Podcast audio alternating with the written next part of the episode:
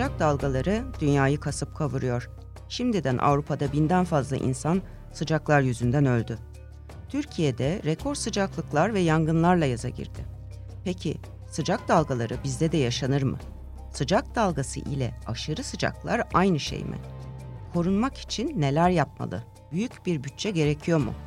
Hangi şehirler serin kalmak için hangi önlemleri alıyor? Ben Mehveş Evin.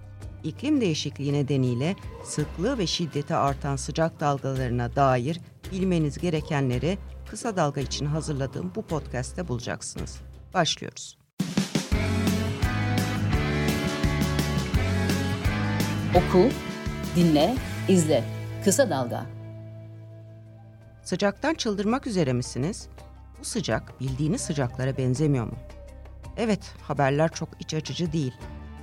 İklim değişikliği yüzünden hem sıcaklık ortalamaları yükseliyor hem de sıcak gün sayısı sıklaşıp daha öldürücü hale geliyor. Bu da orman yangınlarından sellere, fırtınalardan sıcak dalgalarına pek çok afetin daha çok görülmesi demek. 2022 Temmuz'unda İngiltere 40.3 santigrat dereceyle tarihinin sıcaklık rekorunu kırdı. Acil servise başvuranların oranı 10 kat daha fazla oldu. Fransa'da sıcak dalgası uyarıları yapılırken ölümcül orman yangınları yüzünden Portekiz'den Yunanistan'a binlerce kişi evlerini terk etmek zorunda kaldı. İspanya ve Portekiz'de bu yaz sıcak dalgalar yüzünden ölen insan sayısı şimdiden bini geçti. Sadece Avrupa'da değil, ABD'nin 24 eyaletinde de sıcak dalgaları etkili oldu. Oklahoma ve Teksas 43.8 dereceyi gördü. New Yorklulara evde kalmaları tavsiye edildi. Boston aşırı sıcaklar nedeniyle olağanüstü önlemler aldı.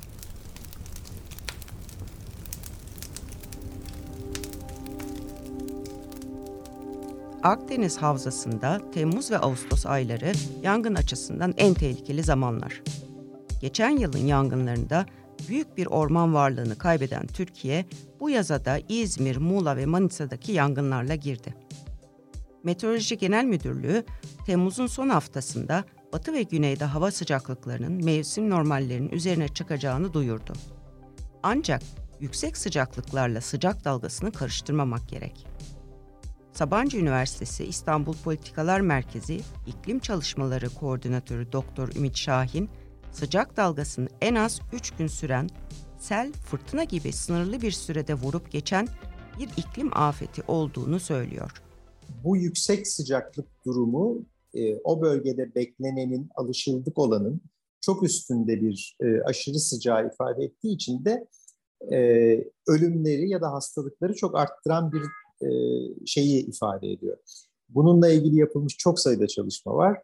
Sıcak dalgası dediğimizde belli bir iklim felaketi durumunu ya da bir meteorolojik aşırı hava olayı durumunu ifade ediyoruz. Aşırı sıcak dediğimizde çok daha genel bir terim kullanmış oluyoruz. Bizde çoğunlukla sıcak hava dalgası terimi kullanılsa da Ümit Hoca'ya göre sıcak dalgası demek daha doğru ve daha pratik. Sıcak dalgalarının dünyanın pek çok yerinde daha sık, daha sert ve daha uzun görülmesinin ardında tabii ki iklim değişikliği yani insan faaliyetleri var. Bunu özellikle vurguluyorum çünkü iklim değişikliği kendiliğinden çıkan bir kriz değil. Sıcak dalgasının bir afet olduğu 2003'te Avrupa'nın kuzeyinde yaşanan toplu ölümlerden sonra daha iyi anlaşıldı. Artık ülkeler sıcak dalgalarına karşı daha hazırlıklı. Örneğin Hindistan sokakta yaşayan ve ağır işlerde çalışanların koruması açısından uyarılarda bulunarak ölümleri azaltmayı başardı. Peki Türkiye'de sıcak dalgası yaşandı mı? Şimdi Türkiye'de sorun şu. Türkiye 2003 sıcak dalgasını yaşamadı. 2003'te yaşanan o büyük sıcak dalgasında aynı bu sene olduğu gibi Avrupa sıcak yaşarken Türkiye'de o kadar büyük bir sıcak olmamıştı. En azından o düzeyde olmamıştı. Ee, sonraki yıllarda da e, çeşitli sıcak dal, dalgaları yaşadık ama e, yaşadığımız o sıcak dalgalarında e, ölümlerle ilgili ciddi çalışmalar yapılmadı. Ta ki işte ilk çalışmayı aslında e, biz yaptık. E, iki sene önce yayınladık. E, Cerrahpaşa Halk Sağlığı'ndaki arkadaşlarla beraber ve üç sıcak dalgasında 2015, 2016 ve 2017'de İstanbul'da yaşanan toplam 14 gün süren 3 sıcak dalgasında 419 kişinin öldüğünü hesapladık. Halk sağlığı uzmanı olan Ümit Şahin bir başka çalışma daha yürüttü. Buna göre 2004 ile 2017 arasında İstanbul'da 4000'in üzerinde insanın yüksek sıcaklardan etkilenerek yaşamını yitirdiğini tespit etti. İyi de neden bundan haberimiz olmadı? Çok uzun süredir Türkiye'de böyle hesaplamalar yapılmadığı için Sağlık Bakanlığı ve ilgili yetkililer e, bu bilgilere çok fazla e, sahip olmadıkları ya da bu araştırmaları yapmadıkları için diyelim. Türkiye'de ciddi bir farkındalık problemi var. Yani sıcak dalgalarıyla ilgili ciddi bir farkındalık problemi var. Buna bir de klasik işte in, klasik insan davranışı e, ya da alışkanlıkları ekleniyor. İşte hava güzel gidiyor mesela. İşte havalar sıcak, tatil havası, deniz havası. Yani sıcağın e, olumsuzlukla e, birlikte anılmaması ile ilgili. Yani sıcağın iyi bir şey olarak algılanması ile ilgili bir şey var. Yani insanlar soğuğu sevmez, genelde sıcağı sever. Ama sıcağın öldürücü olduğu e, da pek anlaşılmıyor. Türkiye hastanelerinde aşırı sıcaklıklar yüzünden ölümler kayda geçmiyor. Bunun yerine kalp krizi, tansiyon fırlaması gibi nedenler yazılıyor. Bizde hala hem sağlık otoriteleri, bakanlık hem de sağlık çalışanları düzeyinde basit bir farkındalık problemi mevcut. Bunu bir türlü çözemediğimiz için e, bence henüz adım atamıyoruz. Türkiye'de ne e, bakanlık ne yerel yönetimler e, bu konuda ciddi bir önlem almıyor. Henüz e, bu sene çok ciddi bir sıcak dalgası yaşadık sayılmaz. İnşallah yaşamayız. E, ama yaşanırsa ne olacak?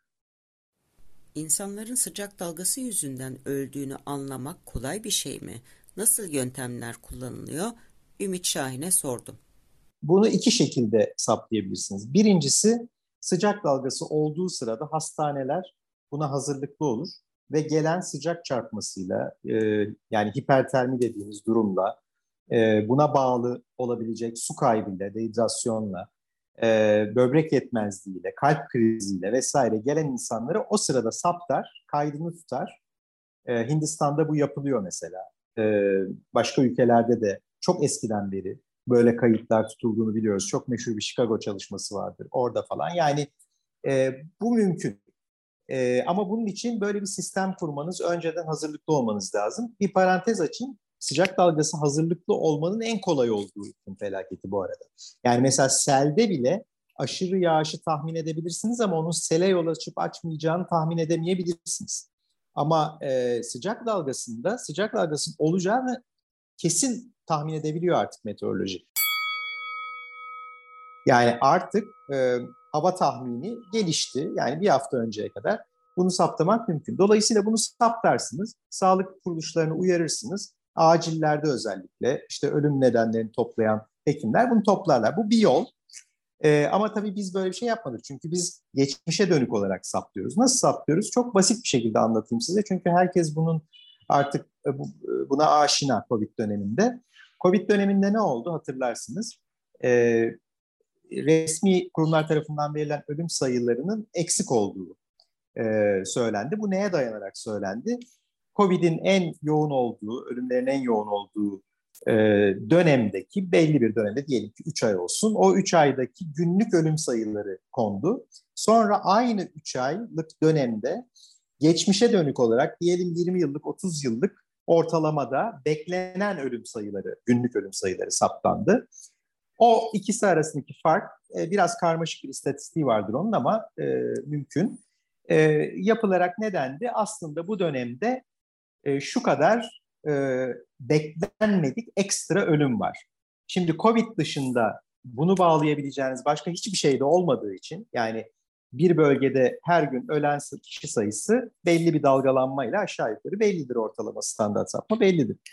Şimdi onu çok aşan bir sayıda yani 30 kişinin ölmesi beklenen yerde 130 kişi ölüyorsa orada bir şey olması lazım. Covid dışında başka bir şey olmadıysa ki yoktu o dönemde demek ki bu Covid'e bağlı diyorduk ve bu, bu kabul edilmiş bir yöntemdi. Şimdi aynısını sıcak dalgası için yapıyoruz. Hem de 1980'lerin başından beri bu yöntem kullanılıyor dünyada.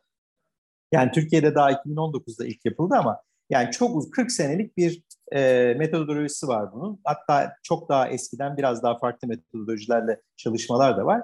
Aynı şeyi yapıyorsunuz. Yani sıcak dalgası olan dönemi alıyorsunuz. Diyelim 5 gün. O 5 günde önceki yıllarda, son 30 yılda o 5 günde e, ki beklenen ölüm sayısını saptıyorsunuz.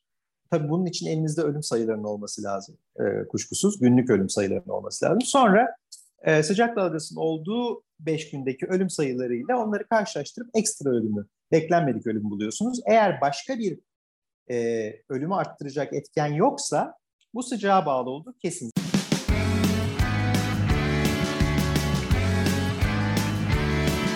Kulağınız bizde olsun. Kısa Dalga Podcast. Buradan şöyle bir sonuç çıkıyor tabii. Kaç kişinin öldüğünü saptayabiliyoruz. Hangi yaşlardaki insanların öldüğünü de saptayabiliyoruz eğer ölüm kayıtları buna izin veriyorsa. Mesela bizim çalışmamızda ağırlıklı olarak 75 yaş üstü e, ölümlerin arttığını bulduk.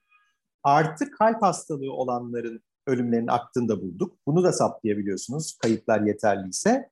Ama isimlerini saptayamıyorsunuz. İşte temel problem bu. Kim öldü? Kim o kişi?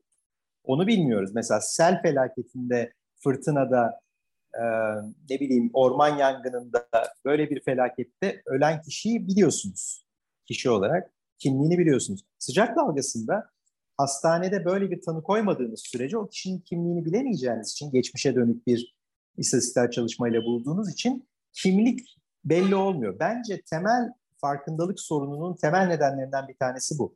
Bir görünmüyor. Yani bir fırtınadaki, orman yangınındaki, seldeki dramatik görüntü yok sıcakta.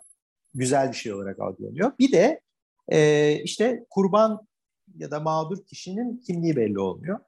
E, bence sorunlar biraz buralardan kaynaklanıyor ama aşılmayacak sorunlar değil. Dünyanın her yerinde artık e, sıcak bir halk sağlığı sorunu olarak tanımlanıyor. Türkiye'de de e, kağıt üzerinde tanımlanıyor tabii. Yani Türkiye'deki iklim e, eylem planlarında falan var tabii, yok değil ama gerçek hayatta ne kadar e, farkında olunduğu soru işareti. Bilimsel araştırmalara göre sanayi dönemine kıyasla 2015'te sıcak dalgaları 5 kat arttı. Küresel ısınma durdurulmazsa 2040'a kadar sıcak dalgalarının 12 kat artması bekleniyor. İyimser senaryo ile bile 100 yıl sonuna kadar sıcak dalgası tanımına giren gün sayısı 48 gün artıyor. Yani e, yazın e, iki ayı ya da belki başka bir dönemde tamamen sıcak dalgasıyla geçtiğini hayal edin. Şimdi Türkiye'de bu sene sıcak dalgası oldu mu olmadı mı kesin bilmiyorum. Yani günlük her yerin sıcaklığını takip etmiyorum tabii. Ee, ama yani ilgili meteoroloji başta olmak üzere ilgililer takip ediyordur. Bunu saptamak son derece kolay. Ee, muhtemelen olmuştur. Yani İstanbul'dan ibaret değil. Diğerlerde sıcak dalgası yaşanmıştır. Ee, yaşandıysa ne oldu? Buna bakmak lazım. Şimdi sıklığı iklim değişikliğiyle artıyor e, sıcak dalgalarının ve sıklığının arttığı en kesin olan iklim felaketi bu. Çünkü çok doğrudan bir ilişki var. Yani küresel ısınma adı üstünde yani küresel sıcaklıklar artıyor. Sıcaklıklar artarken biz hep ortalama sıcaklığın artışına bakıyoruz. İşte 1.2 derece ortalama sıcaklığı arttı dünyanın diyoruz ama e, ortalama sıcaklık işte 1 derece e, bir küsur artarken uç sıcaklıklar belki e, 100 kat veya 1000 kat artıyor. Yani bu bir dağılım, normal dağılım meselesi. Normal şartlarda e, yani iklim değişmezken 10 yılda bir görülen bir sıcak dalgası bugün 10 yılda yaklaşık 3 kez görünüyor. E, bir buçuk dereceye ulaştığında da 4 kez görecek. Bu ne demek? Yani 10 yılda bir görülen sıcak dalgası bir buçuk dereceye ulaştığımız zaman iki buçuk yılda bir görülecek.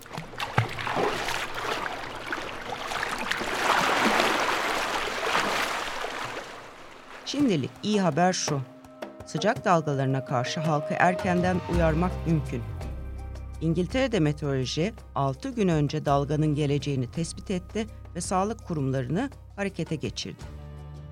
Sıcak dalgalarının Türkiye'de de 1970'lerden itibaren ciddi bir şekilde arttığını biliyoruz. Nereden biliyoruz? Tabii bunlar verilerle meteorolojilerin, e, meteorolojinin elinde var e, ve uzmanlar da bunu değerlendirip buradan bir çıkarım yapabiliyorlar. Ancak önlem almak merkezi ve yerel yönetimlerin görevi. İklim değişikliğiyle mücadeleyi hariç tutarak sadece şehirleri dirençli kılmak için yapılması gerekenleri ikiye ayırıyor Ümit Hoca.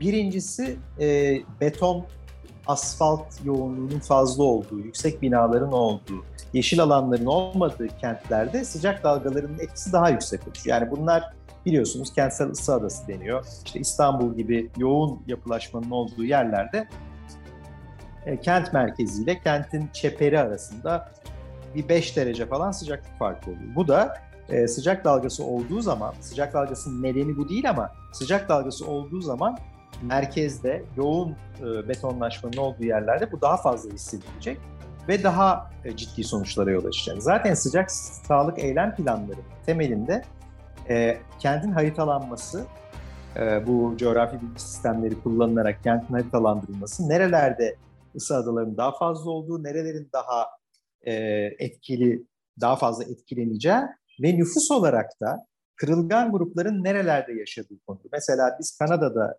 Kanada Quebec bölgesinde e, Sağlık Halk Sağlık Kurumu ile ortak çalışma yapmıştık. Orada e, bize tanıttıkları bir e, sistem vardı. Bütün Quebec kentini e, işte bir harita üzerine koyuyorlar. E, nerede daha fazla sıcak şey ısı adaları var, nereler daha betonlaşmış ve nerelerde 65 yaş üstü e, işte yalnız yaşayan, daha fazla yoksulların olduğu, e, kırılgan gruplar ya da kalp hastası olanlar, böbrek hastası olan nerelerde yaşıyor? Sokak sokak, ev ev bunlar gösterilmiş ve bu insanlar e, sıcak dalgası durumunda e, risk grubu olarak tanımlanmış. Ümit Şahin'in aktardığı bu gibi önlemler dünyada giderek yaygınlaşıyor. Mesela Almanya'nın sanayi kenti Frankfurt'ta Luftleitbahn denen havalandırma koridorları açıldı. Bu koridorlarda yüksek binalara yer yok ve bol bol ağaç var. Şehrin sıcak kesimlerine soğuk hava akışını sağlamak için belirlenmiş bu alanlarda inşaat yapılmıyor. Ya da mesela Barcelona e, hali hazırda Avrupa'nın en yeşil kenti. Ama 2030'a kadar sıcağa dayanıklı ağaç varlığını %30'a çıkarmayı planlıyor.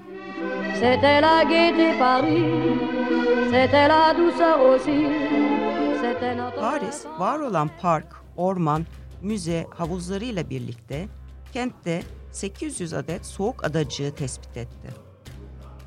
Maksat vatandaşların sıcaklarda maksimum 7 dakika içinde yürüyerek serin ve gölgelik bir yere ulaşabilmesini sağlamak. Londra ise çatılarını yeşillendiriyor. Şimdiye kadar 1,5 milyon metrekare çatı ağaçlandırılmış. Los Angeles'ta mesela basit bir çözüm asfalt gri'nin en açık rengine boyanıyor. Böylece sokaklar 5 ila 8 derece daha serin olabiliyor. Türkiye'de kentlerin iklim dostu olması için sadece 24 belediye beyanda bulundu. Ancak sıcak dalgalarına karşı çok daha ivedilikle atılması gereken adımlar var diyor Ümit Şahin. Kentsel tasarım bağlamında düşündüğünüz zaman kolay iş değil. Yani bütün bu ısı adalarını yok edecek kadar ciddi bir ağaçlandırma yapacaksınız, yeşil alanları arttıracaksınız, yüksek binaları belki değiştireceksiniz, yapılaşmayı değiştireceksiniz. Bu zor bir iş tabii. Yani bu bir imar meselesi. Ama diğeri yani risk gruplarının saptanması, bunların uyarılması, insanların genel olarak e, sıcak dalgası öncesinde uyarılması, e, işte su için sıcakta kalmayın, gölge yerde durun, e, evi iyi havalandırın gibi çok basit şeylerin e, insanların uyarılması. Yaşlılara su içmelerini hatırlatmak, ziyaret etmek, sokakta yaşayanları korunaklı alana almak, klimalı kamu binalarını halka açmak. Evet bazen bu kadar basit önlemler bile hayat kurtarabiliyor. Ümit Hoca İstanbul Kent Konseyi'nde metrobüs duraklarına sebillerin konması önerisinde bulunmuş. Şimdilik bu konuda bir gelişme kaydedemedik. E, bu ve bunun gibi e, önerilerle, yöntemlerle şehirlerde planlı bir çalışmayla sıcak dalgalarına karşı daha dayanıklı hale e, gelinebilir. Korkunç bütçelere de gerek yok bunun için. Sıcak podcastimizin sonuna geldik. Yöneticilere sıcak ve iklim eylem planını sormayı, talep etmeyi unutmayın. Serin kalın.